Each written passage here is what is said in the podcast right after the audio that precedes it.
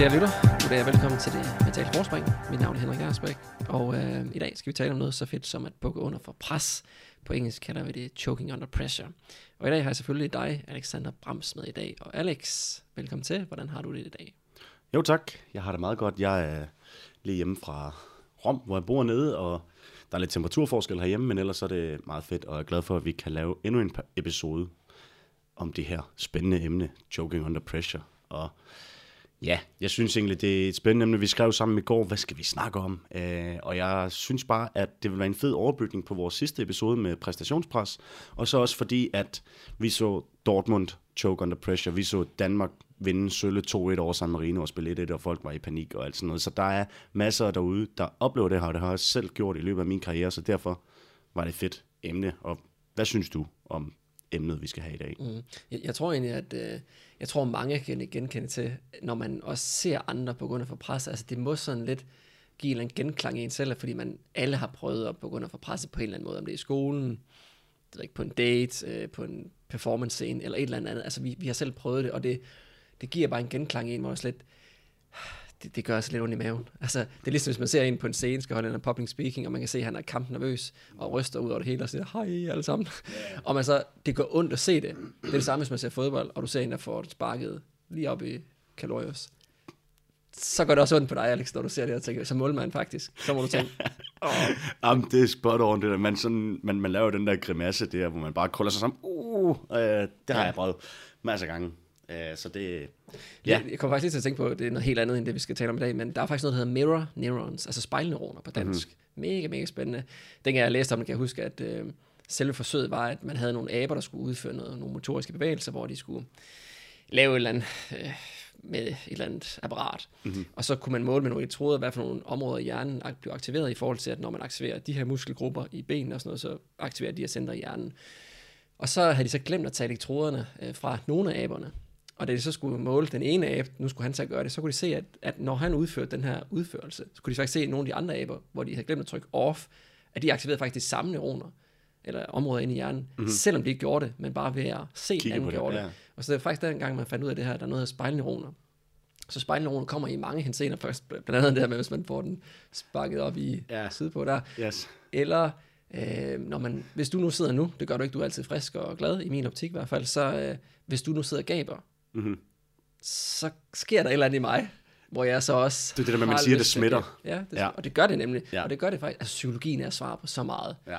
Det er så fedt, faktisk. Men, øh, ja, det er et kæmpe, kæmpe sidetrack lige der, men super spændende. Det, er ja. der noget, øh, man nærmest skal, skal undersøge noget mere. Uh, man laver jo også den der med uh, rene reaktioner, hvis der er en, der skal til at tyre en bold foran, og så står man også lige måske vender hovedet væk og et eller andet. Og det er jo mm. der, hvor man som målmand virkelig skal træne sig til ikke at være bange for bolden, selvom man står ja. to meter fra dig. Ja. Uh, noget, jeg har haft svært ved. Øh, på ja. grund af, at jeg førhen har fået tyren i hovedet, eller i kalorius, eller ja. et eller andet, og det ja. gør ondt.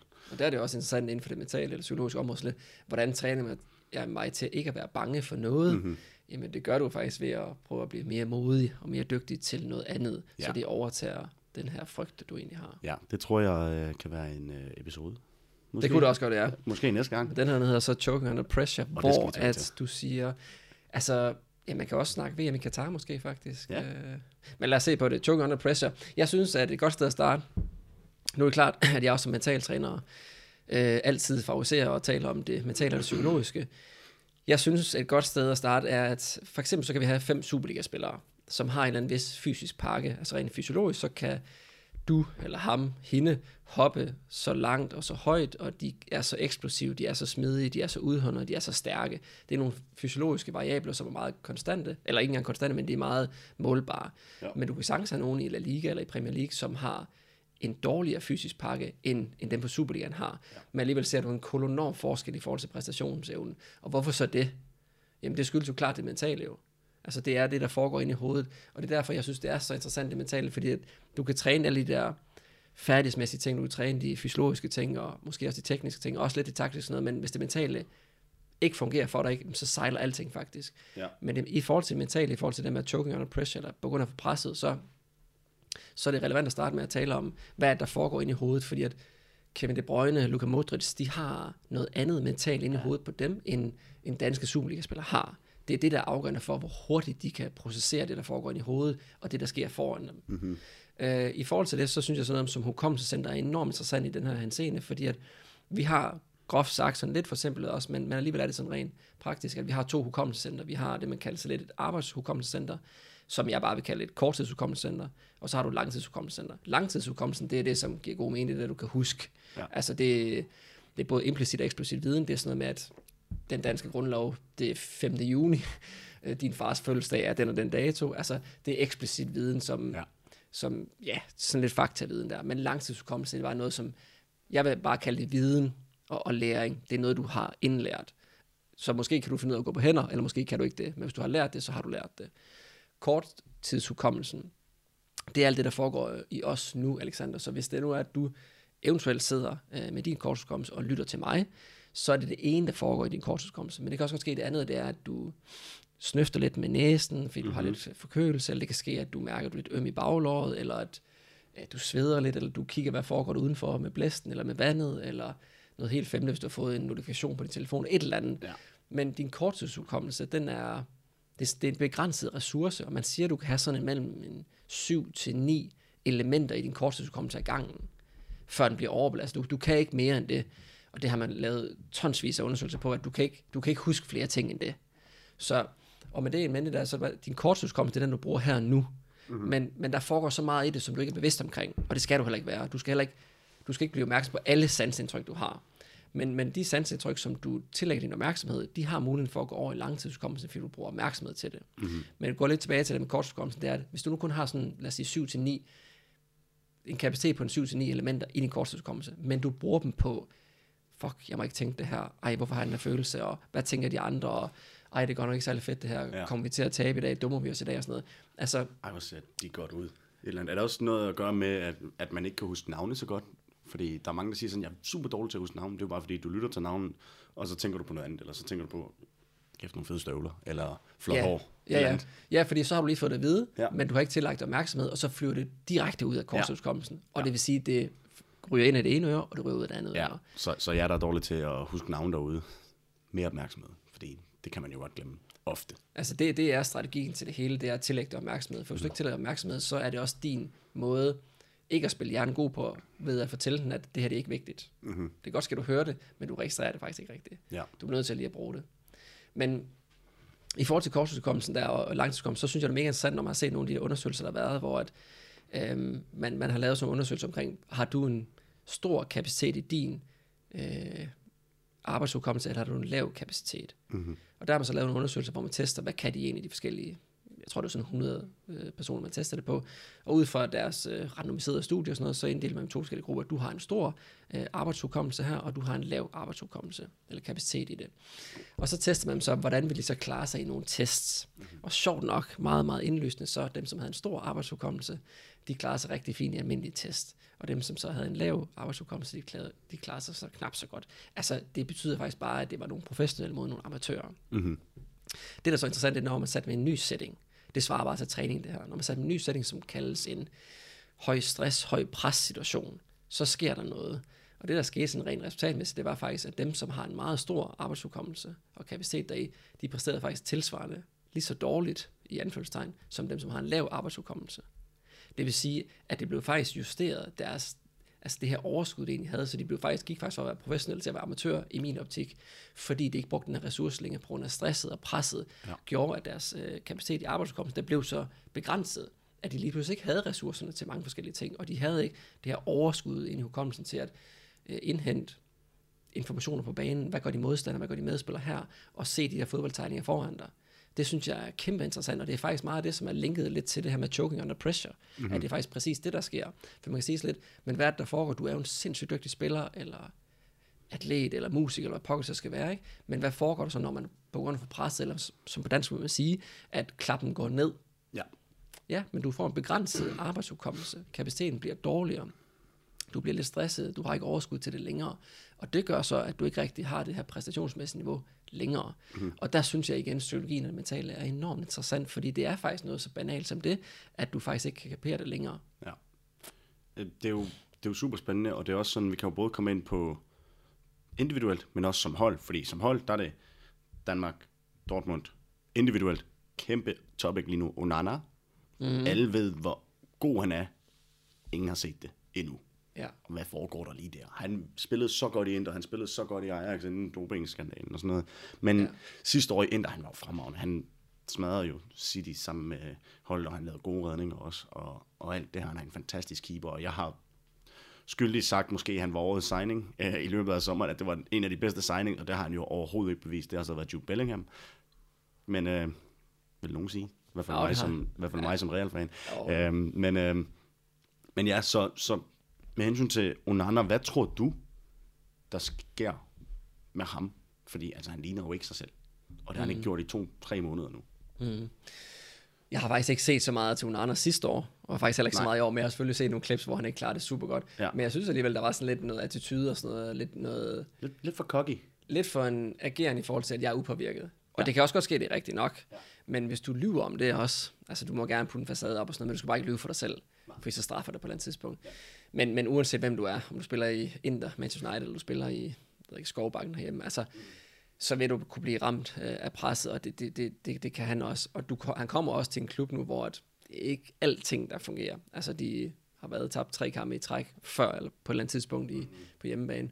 Men jeg tror, i hans situation, så, så vil han opleve det, som mange andre gør, det er, at man, man bliver lidt druknet i det mentale, og det mentale er de, de tanker og følelser, som du oplever, hvor man kommer til at have måske en overflod af tanker og spekulationer, overtænkninger og følelser, og erindringer og bekymringer, kontra måske det, vi ellers godt kan lide at være. Det er bare at være i flow og være til stede i nuet og være ja. ubekymret af, af tanker. Så han har selvfølgelig, altså alle spillere er deres egen værste kritiker. Mm-hmm. Så al den kritik, der kommer ud fra alt muligt sådan noget, det kunne gange med 10 indeni. Ja. Så den kommer selvfølgelig også til, til at være der i ham. Og når den er der, jamen altså, er det forstadiet til et eller andet efterstadie til depression? Det kan det måske godt være, det behøver ikke være en situation, men, men det er hårdt, og det, det er træt, og det er op ad bakke at være ham. Men, men så det vi lige snakker om med korttids til langtids, der kan der jo også være enkelte situationer i kampene, hvor han lige pludselig, at okay, langtids kom til den sidste kamp, der gjorde det her, hvad sker der lige der? Og så korttids, det kan så være, okay, jeg har måske lige lavet en dårlig ting, hvad skal jeg gøre for ikke at gøre den dårlige ting igen? Og så for eksempel det mål, der sidst gik ind, hvor det er, at han, jeg ved ikke om du har set det, men det er så dårligt målmandsspil. Han laver en helt forkert situation, hvor det er, han sparker benene væk under sig selv for at prøve at redde bolden, i stedet for at tage et step. Og det er bare sådan en, det gør han tit, og, men han, han plejer virkelig at have styr på det 10 ud af 10 gange på, hvordan det er, han skal bruge teknik. Og bolden blev ikke rettet af eller noget. Det var bare et spark, og det var ikke engang særlig hårdt. Så det var bare overraskende over, at, hvor, hvor dårligt hans beslutningstagende være. Og det må jo være noget omkring påvirkningen af hans langtidshukommelse, fordi han har jo trænet i 20 år mm. med det der. Ja, men man vil faktisk sige, når du er under pres, som Onana formentlig er, men det er, alle spillere er under et eller andet vis pres. Ja, ja. Uanset de spiller Superliga eller første division eller i udlandet. Altså, du er under et eller andet vis pres, men oftest kan du godt kapere det. Men når du er under et vis pres, jamen, så kan du faktisk godt tillade dig at sige, at, at du rent kognitivt og hukommelsesmæssigt vil glemme nogle enkelte ting. At du vil faktisk glemme noget af det, og det, det oplever man også mange gange, når man sidder on the spot, hvor man slet, øh, hvad var det nu lige det her, det var, eller et eller andet. Altså, man vil ikke glemme nogle ting, og, og det kan du også godt gøre som, som performer, at du lige pludselig glemmer, hvordan udfører man et eller andet. Mm-hmm. Øh, og det kan da også godt ske, det er, en, det er noget af det, der gør sig gældende der hos ham. Det, det, det kan jeg egentlig ikke lige svare på 100%, men øh, var det for Manchester United, det skete for ham, eller hvad? Ja, Okay. Jamen, jeg tror ikke, han lavede et drop ved Inter sidste år. Det kan godt være, han har lavet lille, men han var Ja. flyvende. Øh, Ja. ja. Der har han jo prøvet at bygge sin selvtillid videre for det, men det er bare ikke sket. Han har bare ikke fået den start. Preseason gik dårligt, Ja. og så alle kampene i starten, de skulle også gå dårligt. Han har også mistet afleveringer, og han plejer, han er jo, Ja. ja. Guardiola var jo at sige, at han er den bedste. Altså. Jeg synes, han er bedre end Ederson med fødderne også. Ja. Men Men det er han det har der bare med, mistet nemme afleveringer. ja, jeg så, jeg så faktisk godt den måde Galatasaray. Mm, spiller lige fødderne på. Ja. Men altså, jamen det kan, nogle gange så synes jeg faktisk, det går lidt ondt i maven. Fordi at det, man kan bare forestille sig den situation, hvor, hvor skrækkeligt det er at være udøver i den her situation. Mm-hmm. Jeg synes også et eksempel herhjemme, ikke? det er Anton Gej i Ajax. Puh, Fuck, det går ondt i maven. Mm-hmm. Har du set det? Nej. Det skal du heller ikke gøre. Nej. Nej, det er virkelig, det er virkelig, virkelig særlig rart. Men øhm, ja, det var det. Det var det. Og Monana. Det var det om andre, så til jer United-fans derude, der har I måske en lille øh, forklaring. Men hvis der vi snakker videre omkring, øh, vi kan tage noget så relevant som, øh, som Danmark den anden dag mod San Marino. Det er mm. to dage siden nu, og alle snakker om, hvor meget vi skal gå ud og vinde stort, og vi bare score mange mål, og så vinder vi 2-1. Ja. Og altså lukker et mål ind fra første gang. Det var mega fedt at se San Marino forresten. Juble på den måde. Ja, det var det faktisk. Fuldstændig. Jeg, jeg sad blev helt glad og fik lidt kuldegysning og sådan noget. Jeg har mm. San Marino med. Men, men ja, altså det, hvad, hvad, tror du, det skyldes? Altså, Julemands interview bagefter, det var lidt, lidt sølle. Han var ej, kunne man godt se i hans blik. Men ellers så, han sagde jo bare, at de var ikke sat godt nok op, og de var alt for mm. dårligt, og præsterede bare dårligt. Er det, ja. Kan man choke under pressure mod San Marino? Det kan man så. Ja, det kan du sagtens, fordi der er en vis form for et pres, og, og presset er ikke særlig... Åh, det er forkert, det er, ikke særlig, det er ikke særlig stort, fordi pres det er relativt fra person til person, men, men, men hvis du har snakket med spillerne inden, så, så de kan godt huske, hvordan San Marino spiller, og de røv elendige San Marino, og det, det ved spillerne godt. Og det, jamen, jamen, det er de jo i, i det her henseende. Altså, det, de er formentlig bedre end jeg er, men altså, de er, de er i hvert fald ikke særlig gode, og det ved danskere også godt, så, så presset inden har måske været på en anderledes måde. Det kan godt ske, at de ikke har haft, øh, de har i hvert fald ikke siddet med angst og paniksymptomer øh, inden, det, det er der ikke nogen danske spillere, der har. Men presset har alligevel luret lidt, og presset kommer først, når man kan mærke, at vores relationer på banen, de kører ikke rigtigt, og lige pludselig lugter modstanderen blod, og de vil det måske mere, end vi vil, ikke? Og, og det her, det er for mig, altså nogle af de ting, som med nogle af de spillere, som er i de europæiske ligaer øh, i forløb hos mig, hvor at øh, de spiller det ikke, Champions League, Europa League, Conference League, whatever det så er. Altså det sværeste, de skal efter sådan noget, det er at komme hjem og spille, hvis det er i Danmark, hjem og spille mod Vejle eller Sønderjyske bagefter. Det er en svær kamp, mm-hmm. fordi at du har lige spillet på en kæmpe arena i, i Europa, så kom tilbage til lidt mindre, mm-hmm. øh, ja, mere ydmyge omgivelser i hvert fald. Det er mega svært, men det er det også der, fordi hvis du ikke får stemplet ind, og hvis du ikke får sat dit præg på kampen, ikke, jamen altså, så kan du ikke bruge det, du har gjort tidligere, eller I har vundet 5-0 sidste gang, eller 4-0, eller I er så meget bedre. Du kan ikke rigtig bruge det sådan noget. Du skal virkelig grave dig selv op, og så bliver det ikke bare en fodboldkamp, så bliver det lige pludselig en maratonkamp. Så for mig at se, så handler det enormt meget om det der med, at du stempler ind og beviser for dig selv, altså og, og gør måske bare det helt elementære det rigtige. Og hvad er det egentlig, de skal bevise Danmark, ikke? Det er, at de skal vise, at de skal spille lidt højere tempo, for så kan San Marino ikke følge med. Mm. Altså, San Marinos slagplan var jo også, sænk tempoet, gør det svært, ødelægge ting. Ja, alt det der. Men derfor må Danmarks gameplan jo også være det modsatte, det er at spil hurtigt, tempoet skal op, det er der, vi er bedre. Vi reagerer hurtigt, vi tænker hurtigt, vi har prøvet det her før. Det har de ikke. Men det, synes jeg faktisk ikke, Danmark lykkes med at spille i et højt tempo. Nej, der overhovedet ikke. Og så var der også bare det der med, altså de lavede bare, taktikken var at smide en uh, lang bold op på Nani, der var rundt i øh, SAC. Og Kjær og Andersen, de kunne ikke finde ud af at komme foran ham. Altså, det er jo, de må have, altså, ja. Lukaku og hvem andre store øh, Andersen spillet mod Håland i går, altså, og pakket ham ned, har pakket Håland ned, og så kan han ikke håndtere CSC-spilleren Nani.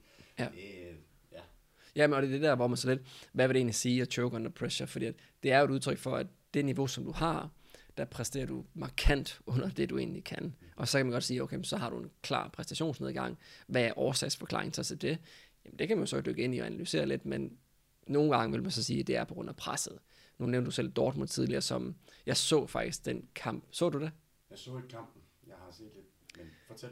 Ja, jeg, jeg, jeg, jeg, jeg sad og håbede på øh, Dortmund. Uh, jeg synes, det var bedre, at de vandt det synes mesterskab end Bayern München. Uh, men hold kæ- det kan godt ske, at Danmark spillede langsomt, ikke? men nå, hvor var det bare...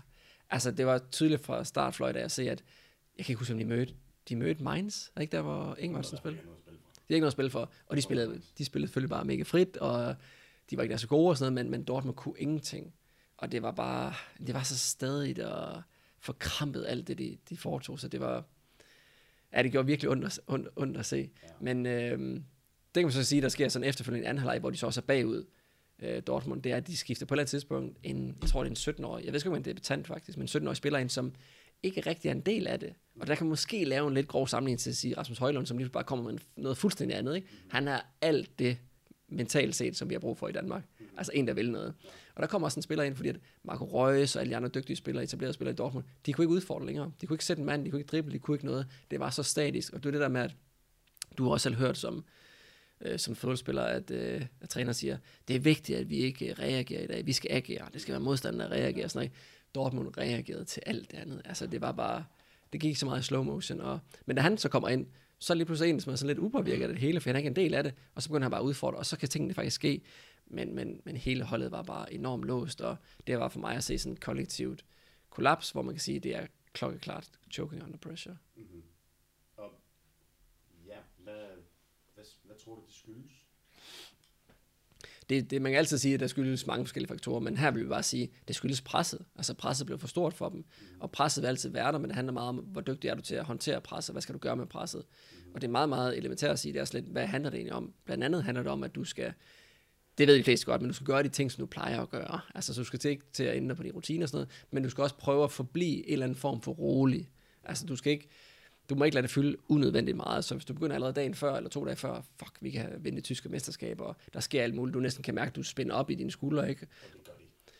Det vil man gøre, ikke? Men, men det er også lidt, for mig er det et udtryk for, at hvis det bliver ved med at køre rundt ind i hovedet for dig, så er det også et udtryk for, at du ikke rigtig har noget svar på det. Det samme, når vi rammer hovedpuden om aftenen, når vi skal til at sove, og vi har sådan lidt, hvad fanden var det, der skete i dag, eller hvad er det, der skal ske i morgen, der og sådan noget, og vi ikke kan svare på det, ja. så kører det rundt ind i hovedet på os. Ja. Men hvis du sætter ned sådan lidt, okay, hvad er det, der skal ske, hvad var det et udtryk for, hvad er min holdning til det, hvad gør jeg her, så kommer du lidt ud af hovedet med det.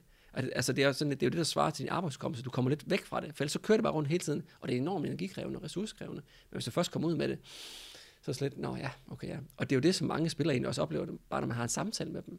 Det er sådan lidt, det var sgu rart lige at komme ud med det, ikke? Og ja, nu, nu er det fandme bare det, jeg gør. Yes, så er du ikke rigtig begrænset længere, så hænger du ikke bremsen længere. Jeg tror også, noget af det, der har gjort det, er måske, at de har været, altså der er selvfølgelig pres fra fans og familie, ikke? Men, og de har set frem til det her, men de er blevet bange for at skuffe fansen. De har ikke vundet i ni år, eller sådan noget. Øh, eller slet ikke vundet, de har ikke, det er ikke styr på. Men, mm-hmm. men noget, som jeg personligt selv prøvede, det var egentlig, jeg havde det, vi havde lige spillet semifinal i national mesterskab over i college i D2, og havde super lige vundet 3-0, alt og fedt, bla bla bla. Dagen efter, så er det sådan en ceremoni, og jeg vinder en lille pris og sådan noget, så går vi ud, og så står min mor og min bror der, og jeg vidste ikke, de ville komme. Mm. Og det var, jeg var selvfølgelig sygt glad for at finde, men jeg fik også bare sådan en eller anden følelse i kroppen, jeg aldrig nogensinde har haft før, hvor jeg var sådan lidt, nu er der pres på mig. Hvorfor er der pres på ja. er min bror og min mor. Jeg, jeg har kendt dem sjovt nok hele livet, ja. og det er nogle af de tætteste, jeg har. Og det er sådan, bare, hvorfor er jeg lige pludselig nervøs? Og alt det her, bare fordi de var der, og det lyder mærkeligt, hvis de ikke havde været der, så troede jeg ikke, at jeg havde været lige så nervøs. Mm. Uh, og jeg går faktisk ud, det, det er noget lort at snakke om, jeg går ud efter 10 minutter, og så laver jeg et, et drop. Uh, første gang, hele sæsonen, har lukket 9 mål ind, 8 mål ind hele sæsonen i 24 kampe, og ikke lavet nogen fejl stort set. Og så i den kamp, der dropper jeg. Mm. Og jeg tror, hvis jeg kigger tilbage, så var jeg bare anderledes på grund af mine forældre var der. Det kan jo godt være, at mm. alle Dortmund-spillerne, så er alle jo kommet for at se, åh, vi ses på stadion, og bla bla bla. Mm. Og lad os kigge bagefter, hvordan fejrer I det, og sådan noget. De har haft mm. meget op i hovedet, de har været bange for at skuffe. Det er mm. noget af det, jeg tror. Mm. Nå, men det har det helt sikkert været, og mm. man har måske haft mere ja, fokus på øh, frygten for at fejle kontra risikoen eller sandsynlighed for at vinde. Ja. Og, det, det, og hvis du har været i Dortmund den, på, den, på det tidspunkt, så har du også kunne se den tyske pokal, hvor, der, hvor de skal, skal indgravere, fordi det, det lå til dem, ikke? Øhm, men jeg synes meget, det handler om, altså den måde, man også bruger hukommelsen på, eller hjernen på, det er sådan lidt, hvis vi kunne se ind i hovedet på, på jer, altså på dig som på lytter, på dig som lytter, så kan vi se, hvad, hvad foregår det i forgrunden hos dig, altså det, som du har i forgrunden i hovedet, og hvad foregår måske i baggrunden. Baggrunden kan vi gerne se, men, men, men, men det er jo den opgave, vi egentlig har. Det er, hvis du ikke gør noget, Alexander, jamen så det, der kommer i forgrunden hos dig i din situation, eller for Dortmund-spillere, det er slet, lidt frygten for at fejle, det må ikke gå galt, og hvad tænker de andre, og kan vi klare det, og hvorfor har jeg det på den her måde, og vi begynder at kæmpe lidt mod os selv, vi begynder at kæmpe mod det mentale. Fint nok, altså jeg behøver ikke komme med en løfte pegefinger og sige, at der er noget galt i det, for der er ikke noget galt i det, det er lidt part of the game, men det er det, der er i forgrunden hos dig, i din arbejdsudkommelse. Er det fordelagtigt for dig som, som performer? Nej, det er det ikke. Okay, hvad betyder det så? Det betyder, at du har en opgave for dig. Du bliver nødt til at lidt at komme, komme af med det, komme ud med det, og i hvert fald som minimum også bagefter prøve at indføre noget nyt i din, i forgrunden i hovedet, ikke, af din arbejdskommelse. Og hvad skal det så være? Altså for mig at se, mange af det er det her med, at vi ventilerer det, vi taler det ud. Det har sådan lidt en mitigerende effekt, at det bliver sådan lidt dæmpet. Så fylder det ikke nær så meget, fordi det slet, sådan lidt, ja okay, det, det er måske ikke så galt. Altså det er noget af det mest almindelige, jeg oplever hos eliteudøvere, det er sådan lidt, de kan være så forkrampet og irriteret over et eller andet, ikke? men når jeg så fortalt ud, så er sådan lidt, nej fuck det, altså det er sådan nogle petitesser, og ja, nå, altså, så, så, så er det ikke lige pludselig en problemstilling længere. Men det er jo bare et udtryk for mig om, at nu er de kommet videre. Nu er det ikke kun det, der foregår ind i hovedet på dem, ind i forgrunden i hovedet. Nu, foregår det, nu er der plads til noget andet også. Nu er der skabt kapacitet til noget andet. Og der har du en opgave, Alex, også. Altså, hvad er det egentlig, du skal? Og der er det for mig meget sådan lidt, jeg synes, det er fedt nok, det der, nu er du også selv fra USA, og jeg har også selv læst om, men uh, det handler meget om det hunt og be hunted. Altså, jeg, jeg, jeg har meget sådan den strategi med nogle spillere, sådan lidt, vi skal skulle ud og jage noget. Vi skal ud og jage et eller andet, for hvis du ikke gør det, så er du mega sårbar for, at vi er bagud, hvad sker der her, og der kommer alt muligt ind i forgrunden i hovedet på dig, som du ikke har lyst til at have derinde.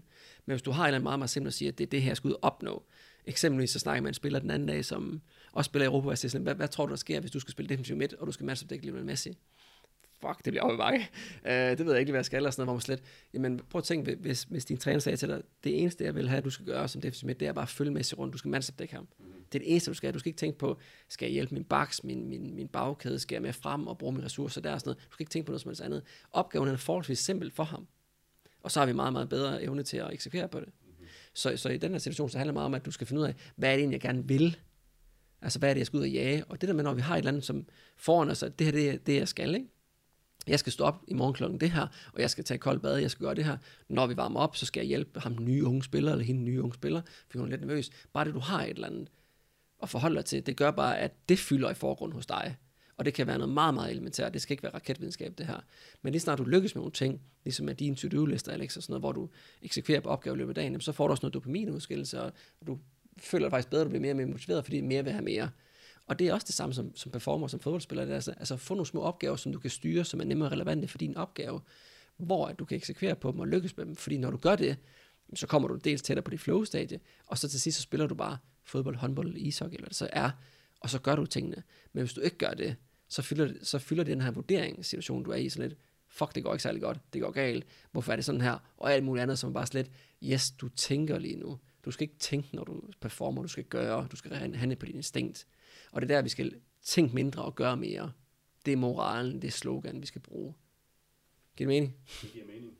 Det giver mening. Det er jo super spændende alt det her.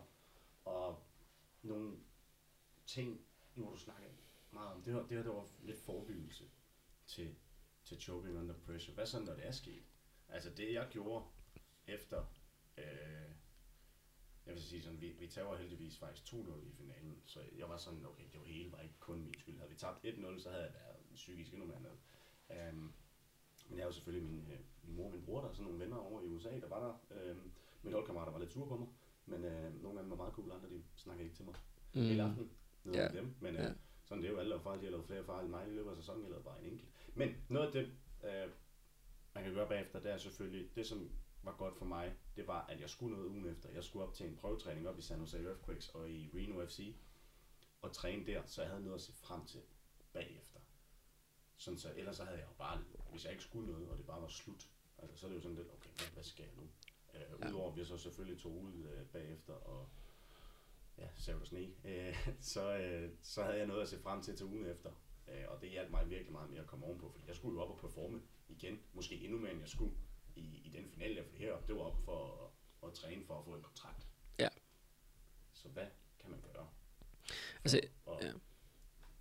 Jeg synes, det handler meget... Hvis det sker, men også sådan forebygge, øh, øh, hvis det er sket, hvad, hvad kan man så gøre, i stedet for at grave sig ned i en hule? Ja, og jeg tror, det er vigtigt også for lytterne at huske på, at øh, du er formentlig ligesom alle mulige andre. Altså, vi minder sindssygt meget om hinanden. Altså, jeg har haft, jeg har kigget lidt anden dag, jeg tror, det er sådan noget, knap 300 forskellige atleter herinde i de sidste 5-6 år, ikke? Og vi minder rigtig, rigtig meget om hinanden. Ja. Og hvis du graver dig selv ned i et hul, og du er din egen værste fjende, du er super selvkritisk, og du banker dig selv i hovedet unødvendigt meget, så er du ligesom alle andre. Ja. Og det er der ikke noget galt i. Men der er noget galt i den, den, det tidsrum, det bare, altså var det en time, eller en dag, eller en uge, eller en måned. Hvor lang tid er du i det? Og der, der må man grundlæggende spørge hvad, hvad er det egentlig, du har brug for? Altså, hvad, hvad har en atlet brug for? Det er, jo, det er jo et vigtigt ting for mig at forholde sig til. Hvad er de egentlig brug for? Har de brug for en løftet pegefinger? Har de brug for det? Fuck, man, bare glemme det. Du er mega god, og det synes jeg er en kæmpe problemstilling, når folk de dummer sig, ikke? Jeg kommer lige til at tænke på Valdemar Lund øh, mod Bayern München. Ja, Bayern München, ikke? Det gør også ondt i maven. Og, øh, det var virkelig sådan, wow. Altså, han kommer ind, og det virker bare ikke til... Han har jo ikke prøvet at spille mod Thomas Müller før. Mm. Og man tænker jo, når man ser, om han er langsom. Ja. Han går bare ind og bruger sin fysik og sin erfaring til at skubbe ham væk. Det er så synd. Ja. Hvor fanden kom egentlig fra for det med Valde? Med Valde? Ja. Uh, jamen, det var det her uh, med... Uh, det ved jeg sgu ikke. Nå ja, det var det omkring uh, at dumme sig. Ja, ja, lige præcis, ja. Og der, der, der, for mig, den er sådan lidt, åh, oh, mand. Jeg vil sige, den er, den, det er faktisk noget, jeg, ved, ej, jeg synes, det er groft at sige, det er noget, der pisser mig lidt af. Men jeg synes, at når man har haft en dårlig præstation, så hører man sådan noget, som er selvfølgelig velment. Men så er sådan, at, ah, men op på hesten igen. Øh, sig det til, til dig, efter du er dummet dig der, eller til Dortmund-spillerne, eller til Valdemar Lund, eller til Una Arne, eller så er bare, am op på hesten igen. Altså, husk nu på alle de tidligere gode kampe, du har haft. Du har været mega god hele sæsonen, Alex. Altså, fuck det der med, at du lavede en fejl i, i finalen, og det så åbenbart koste, at hele holdet ikke gider snakke til det længere. Øhm, der kommer mange kampe i fremtiden, hvor du bare gør det bedre, så bare, bare op på hesten igen og, og gør det bedre.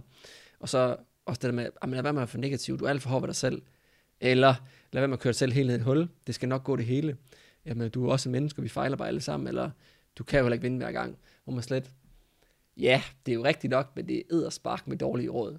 Altså, hvad, hvad, hvad tror man, at det, det påvirker en spiller med? Og høre de der totalt gængse ting. Altså, dels er det jo sådan lidt en bekræftelse for, at altså, det du oplever lige nu, hvor du hader dig selv, du er ærgerlig over det, der skete, og du virkelig er et krigsmode, jamen det har du ikke lov til, fordi at du skal bare komme videre bare på hesten igen, du skal ikke tænke over det om slet.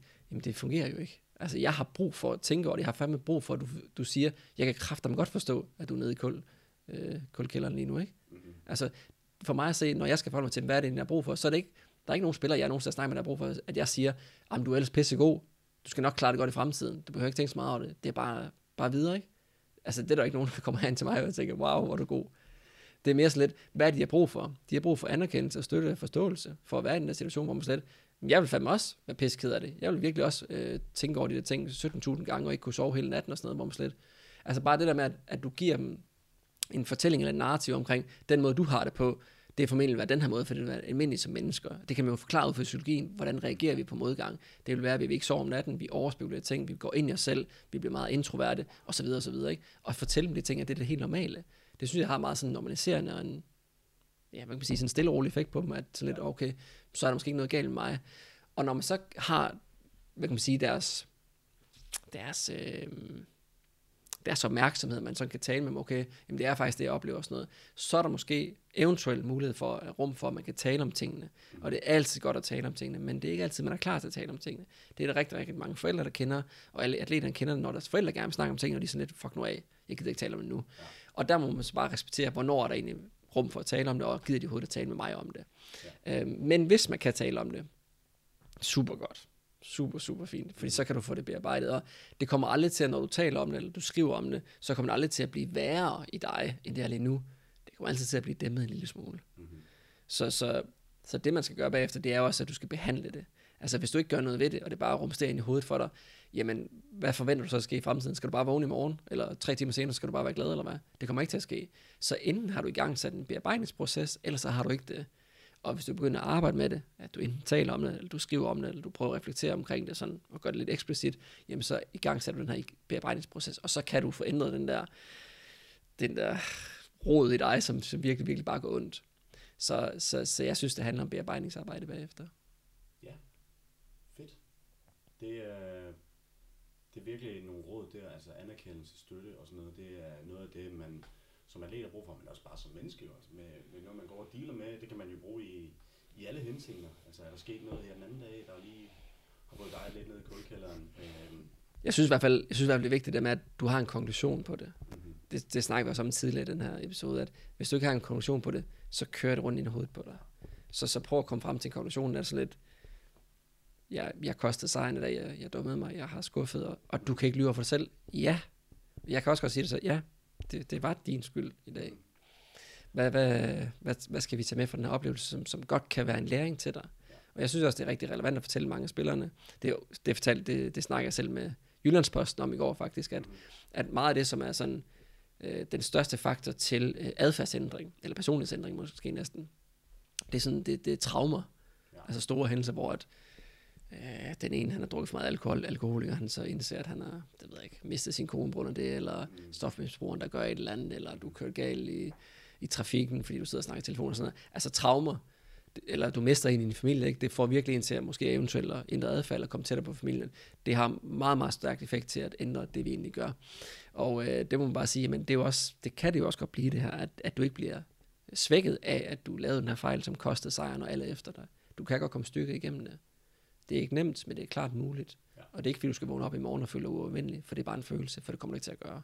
Men vi kan godt arbejde med det stille og roligt. Og der har du også en af de der præmisser, som, som der er en del af elitesportsverdenen, som er, som er benhård.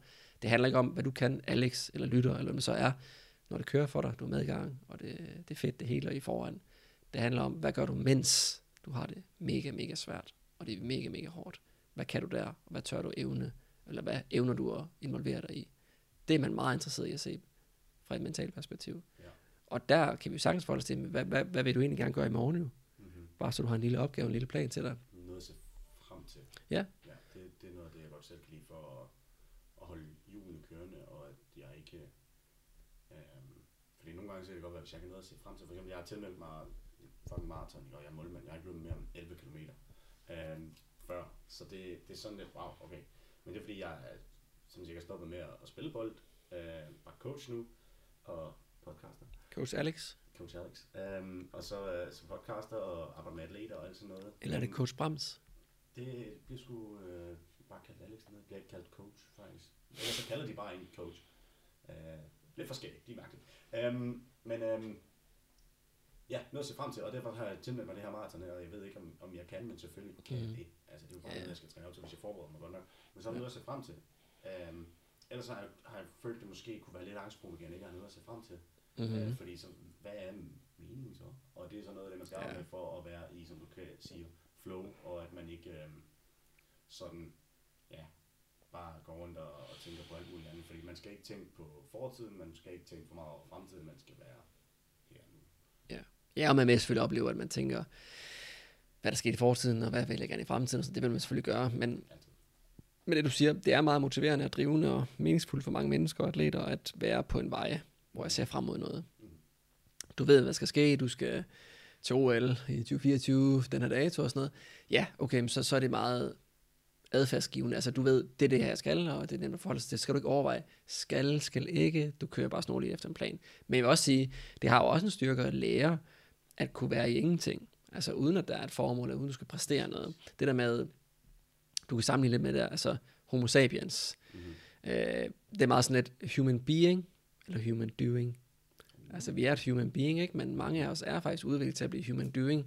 Vi skal klare alt, mand. Vi skal, blive, vi skal, vi skal også blive gode til at... Du skal selvfølgelig lære at tale italiensk, Alex, det kan du også. Men du skal også lære kinesisk og alt muligt. Altså, altså vi ved så meget, hvor nogle af så handler også om, at vi skal faktisk blive bedre til at bare være human being og være i det.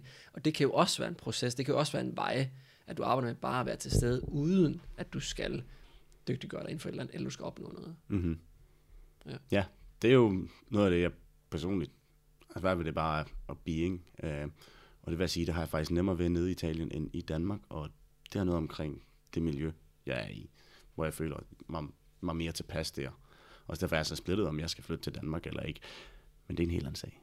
Ja. Henrik, vi øh, plejer lidt øh, at snakke om, hvad man egentlig gør for at få et mentalt forspring. Ja. Så har du øh, tænkt over noget på de sidste øh, seks uger, hvad, hvad du gør ja. øh, for at være mentalt foran, ikke foran andre, men bare for den, mm-hmm. bare foran for dig selv?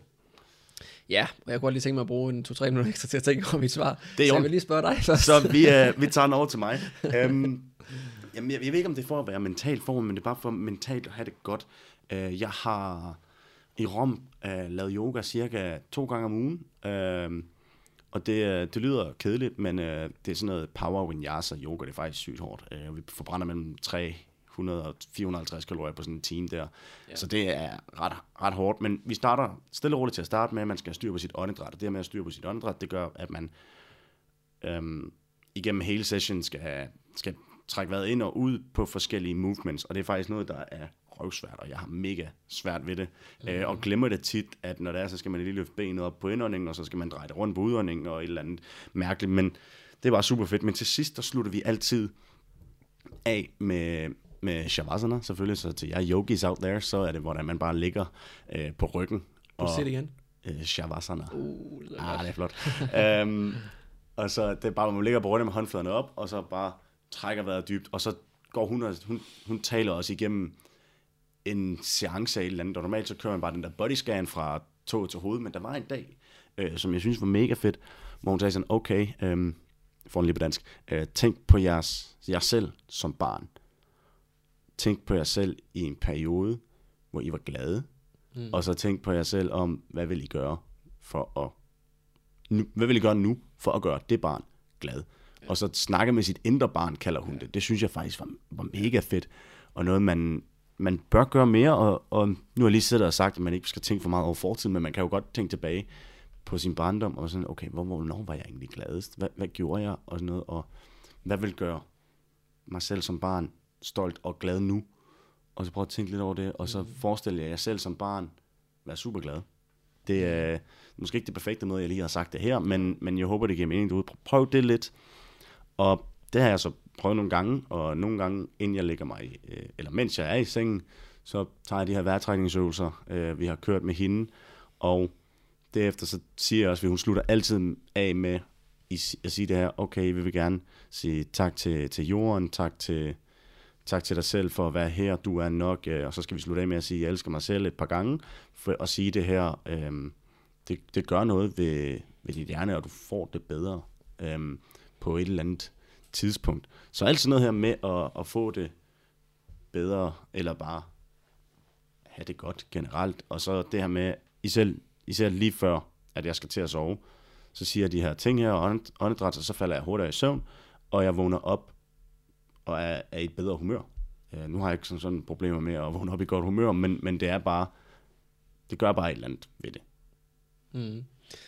Altså, jeg synes mange forskellige ting, inden jeg kan prøve at tale om mit, men altså, jeg synes, jeg synes, det er meget smukt, og jeg kender godt lidt til den der, altså, jeg ved, at der er mange øh, af de atleter, som sidder herinde, eller har siddet herinde, som også lytter til podcasten, og skriver tit, når vi har haft en episode, og, og det er ikke noget, jeg nogensinde har praktiseret med dem, men, men mange forløb er sindssygt forskellige. Jeg har også haft mange politibetjente i forløb, som skal ind til mm-hmm. PET og mm-hmm. aktionsstyrken og sådan noget. Altså, der er også mange, som en sælger eller en advokat, eller alt muligt forskelligt, ikke? Men, men jeg synes det der med, at altså, den der, den der visualisering, perspektivering ind i hovedet med at prøve at forestille dig selv, dig selv som ung dreng mm. eller pige inde på drenge- eller pigeværelset, hvor du sidder, og hvad vil du egentlig gerne gøre for den person? Hvad har vedkommende brug for? Ja.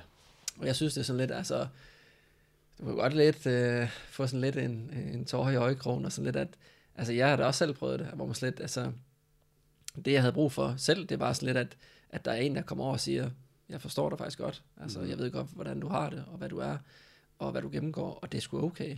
Fordi jeg kæmpede også enormt meget med mig selv, om tingene var rigtige, og man turde ikke sige de ting, man havde inde i hovedet øh, til alle mulige andre, fordi man var bange for at blive sådan lidt, what, er du så weird? Mm-hmm. Uh, men, men når jeg selv havde gjort det, så er jeg slet, jeg havde bare brug for nogen, der satte sig ved siden af mig på min seng og sagde, du er okay, Henrik. Altså, der er ikke noget galt med dig, det er helt okay, jeg forstår det godt, du kan tale til mig, jeg stoler på dig, og jeg kan godt lide dig. Og bare det, det tror jeg sgu egentlig bare, jeg havde brug for. Fordi at, var man god nok, var man ikke god nok, og det synes jeg nu egentlig, jeg var, men der var altid noget usikkerhed, og, og jeg synes bare, jeg ved sgu ikke, jeg, jeg voksede op lidt, øh, jeg er så lidt personligt, men lidt uden min mor, kan man sige, mm-hmm. øh, mhm. og har ikke, ja, desværre ikke samtale, eller har ikke kontakt til hende længere, og sådan noget, har haft det i rigtig mange år. Jeg håber, det ender sig faktisk i fremtiden, men altså, men jeg synes, det er lidt sådan en moders kærlighed, det der med, at, at hun bare ser barnet, hun er altid er der, hun står lidt, det er sådan lidt stereotypt, ikke? men hun står lidt for den der, den der følelsesmæssige del i, i en opdragelse, altså mm-hmm. en moderkærlighed, og det, mm-hmm. det, det var det, jeg forholdt mig til i din visualisering, det du snakker om der, at ja. det var det, jeg havde brug for. Og ja. det synes jeg sagtens, jeg synes, det er et glimrende eksempel, og øvelse, du kommer med, at man kan prøve som, som lytter, og så forholde sig til, finde find lige frem til dig selv, da du var 8 eller 10 eller 12 ja. år, find et billede fra den gang, så kig på det og sådan noget, og så forestil dig, du sidder inde på værelset, du er helt selv og sådan noget, hvad kunne du egentlig godt have brug for ja. at vide? Ja. Og det synes jeg skulle være pisse smukt. Ja, altså både det, uh, hvad kunne man godt have brug for at vide dengang, men også bare sådan, tænk på et et minde, hvor du var glad. Og så, fordi man begynder automatisk sådan at spille. Altså, jeg forestiller mig selv ud i haven, løbe rundt med en kæp, og leger jeg med i Ringens... ja, leger med i Ringens Herre og slår over dig ihjel, fordi jeg elskede fucking Ringens Herre, da jeg var lille. Altså, det, var, det, var, det, var, det var sådan lidt... Det var det, jeg tænkte på ja. den dag der, og jeg var bare sådan, hvorfor tænkte jeg på det? Hvorfor tænkte jeg ikke på, at jeg var ude i haven og spille fodbold med mine brødre og min far? Ja. Altså, men det var en fucking kæp, der, der, der, der gjorde det for mig totalt random. Men, øh, du har været billig som en barn, Alex. Fodbold til 100 kroner og så en kæp, du har fundet ud i skoven. så ja, du lege flere timer. Ja, ja. Jamen, det var det, var det. Men, men, men specielt det her med, altså, om, om du sagde, at man er god nok, og nu er der jo øh, en milliard øh, Instagram-kontorer, ikke? Konti, sorry. Mm. Um, og der er sammenlignet man sig bare med alle jo, og det er ja. noget af det, der er det sværeste, som de dealer med i dag. Det er også derfor, de snakker om, at unge har så mange problemer med det her. Og der er nogle gange, der har de måske bare brug for at vide, at de er okay. Og så hvis du lytter derude, så er du okay. Ja, det er, det er det helt sikkert, men altså, man kan også, men, men hvad har de brug for, de mm. unge, ikke? Altså, ja, jeg tror, det er meget rigtigt også, man har brug for en anden setting, hvor man får at vide, at man får lov til at komme ud med de spekulationer og bekymringer, man har, og man får at vide, at det, ja, eller man får en oplevelse af, at det bliver ja. forstået, og det bliver normaliseret, og man også måske får at vide, at det er okay, men mange unge, for mig at se, har også brug for at vide how to live, altså how to do life, fordi det forstår de ikke. Og det har jeg ikke nogen øh, problemer med at løfte pegefinger til, for jeg har da selv fejlet enormt meget af det. Mm-hmm. Men hvis du bruger din telefon 4, 5, 6, 7 timer om dagen, der kan du tjekke på iPhone, du får formentlig en notifikation hver dag, der siger, hvor meget brugte du den sidste uge og gennemsnit og sådan noget. Hvis du bruger den så meget, altså det vil svare til et ekstra fuldtidsarbejde, du har ved siden af de 37 timer i arbejde, ikke? Mm-hmm. Hvordan tror du så, at du går i seng klokken 1 om natten, og du skal op klokken 6 eller 7 i morgen? Hvordan kan du så forvente, og du spiser sådan og sådan, ikke? Hvordan kan du så forvente, og du har ikke nogen tidslomme i løbet af dagen, hvor du ikke skal noget, hvor du skal være på på. Selv når du fucking skal på toilet, så skal du bruge din telefon. Hvordan kan du så forvente, du har det godt? Du, du, du, du spiller ikke livet rigtigt. Mm. Du spiller et andet spil, og det taber du på den måde.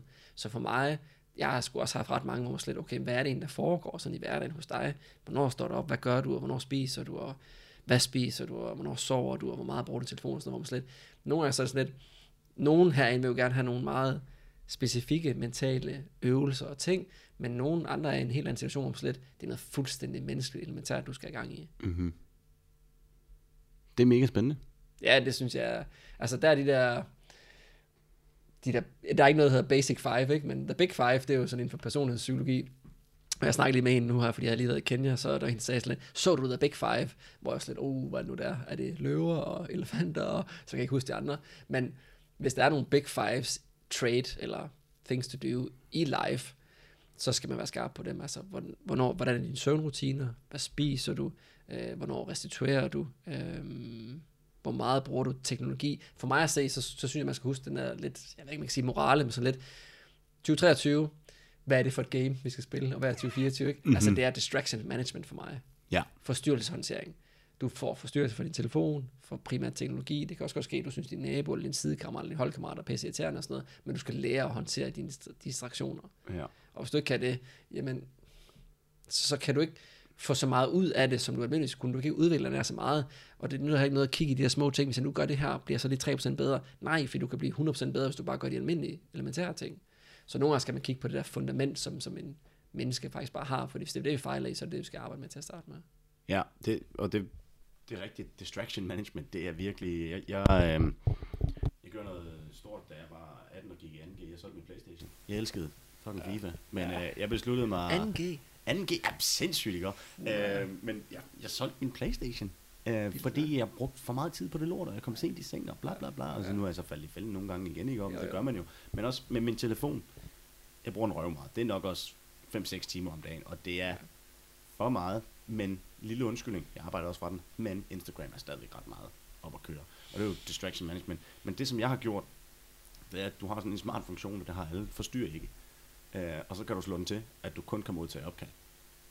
Fordi hvis folk virkelig vil dig noget, ja. så ringer de til dig. Og den, den, den, den forstyrrer ikke det, den går igennem, hvis det er Snapchat-opkald, Instagram, WhatsApp, Messenger, mm-hmm. almindelige opkald. Mm-hmm. Så alle, hvis de virkelig vil dig noget, ja. så kan det godt være, at de skriver fire beskeder, men så prøver ja. de der at ringe. Det var det sådan, det vil jeg tro, at folk vil ringe til dig, hvis ja. de virkelig vil have fat i dig.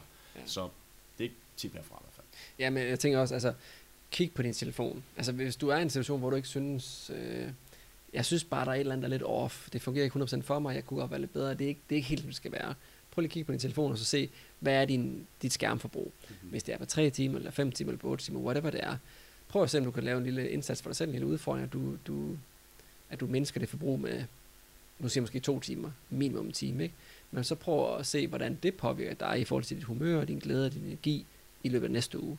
Fordi så kan du se, om det egentlig er linket til dit, altså det er det jo, altså ens mentale sundhed, ens mentale helbred, ens mentale velbefindende er linket til, hvor meget vi bruger vores telefon. Fordi det er også bare, men helt ærligt, når folk bruger deres telefon om aftenen, de, de har taget tøjet af, sover i boxshorts eller undertøj, eller ligger nøgne og sover i. Man er helt skrællet, ikke? Man er helt sårbar. Så ligger man så der, og så ligger man og kigger på Instagram og alt muligt andet TikTok, og ser de der fuldstændig fascinerende ting, hvor man slet, wow, og så ligger du og sammenligner med dem. Vi sammenligner os altid med alle mulige andre, hvor man slet, det æder med med et dårligt sammenligningsgrundlag til dig selv. Altså, hvad fanden laver du? Mm. Altså, du sidder i den værste udgave af dig næsten, altså, hvor du sådan helt, jamen, du, er så, du er så sårbar, du ja. er nøgen næsten ikke, og sådan noget, og du, du er svag i anførselstegn, og så ser du alle mulige maskiner der, som har mm. klaret alt muligt, sådan noget, hvor man slet, og de ser pisse godt ud med filter og alt muligt. Yes, men det har du ikke brug for nu. Det giver dig bare et gok i hovedet, mand. Ja. Eller hvad man bruger telefonen så sent om aftenen også. Ja. Det er også noget af det, man skal blive bedre til. Uh, og min undskyldning til at bruge den sent om aftenen, det er, at jeg arbejder med folk fra USA, ja. uh, og der er tidsforskel. Ja. Nogle gange så sidder jeg sent og bruger den om aftenen. Jeg kan jo ja. bare lade være. Jeg kan jo bare svare dem næste dag. Hvis det er vigtigt, så ringer de. Ja, du kom i hvert fald med morale til mig tidligere i forhold til tid og prioritering. Så ja, men det der med at sige sådan, jeg har ikke tid til det. Nej, du prioriterer det ikke. Så kan du tage din telefon. Hvis du bruger 6 timer på din telefon, så kan du bruge 6 timer på noget andet. 6 timer, det er fandme meget. Det er meget. Det er fucking, der er 24 timer, altså. Det, det er en fjerdedel af din dag, jeg skulle ja, lige til. Ja, ja, ja. Det er virkelig meget. Puha. Ja. Er vi, uh, Ja, er vi ikke uh, good to go? Yeah. Måske en opfordring til allersidst med, uh, til lytteren til at skrive gerne, hvad et emne kunne være. Så uh, er det faktisk forholdsvis nemt for Alex og mig at lige uh, strukturere nogle spørgsmål, og så, så winger vi dem, når vi ja. snakker. Og hvis I ikke tør at skrive til Henrik, så er I mere velkommen til at skrive til mig. Men og hvor gør man det, han? Hvad, der er lidt forskelligt. Der er Alexander Brams Instagram, jeg hedder bare Alexander Brams på Ja. Han former, jeg har også en anden flot Instagram, der hedder The Danish GK, hvis man skriver det. Jeg ser alle beskeder. Folk tror ikke, man ser mange beskeder, bare fordi man har 20.000 følgere, men så mange er der egentlig ikke, der skriver overhovedet. Der er kun lidt ned fra Pakistan, der prøver at sælge med nogle handsker. men øh, ja, og så er der selvfølgelig HH Mentality, man kan skrive til. Kan man også, ja. Øhm, ellers har du sikkert en mail og sådan noget flot noget, hvis man gerne vil være formel. Ja. Også et telefonnummer, men det får I ikke, desværre. Nej, det står på hjemmesiden. Nå, no, ja. ja. Spoiler. Alexander Brams, jeg vil sige tak for episoden, og tak for besøget. Vi ses næste gang. Til dig som lytter. Vi snakkes ved, og have det godt. Hej.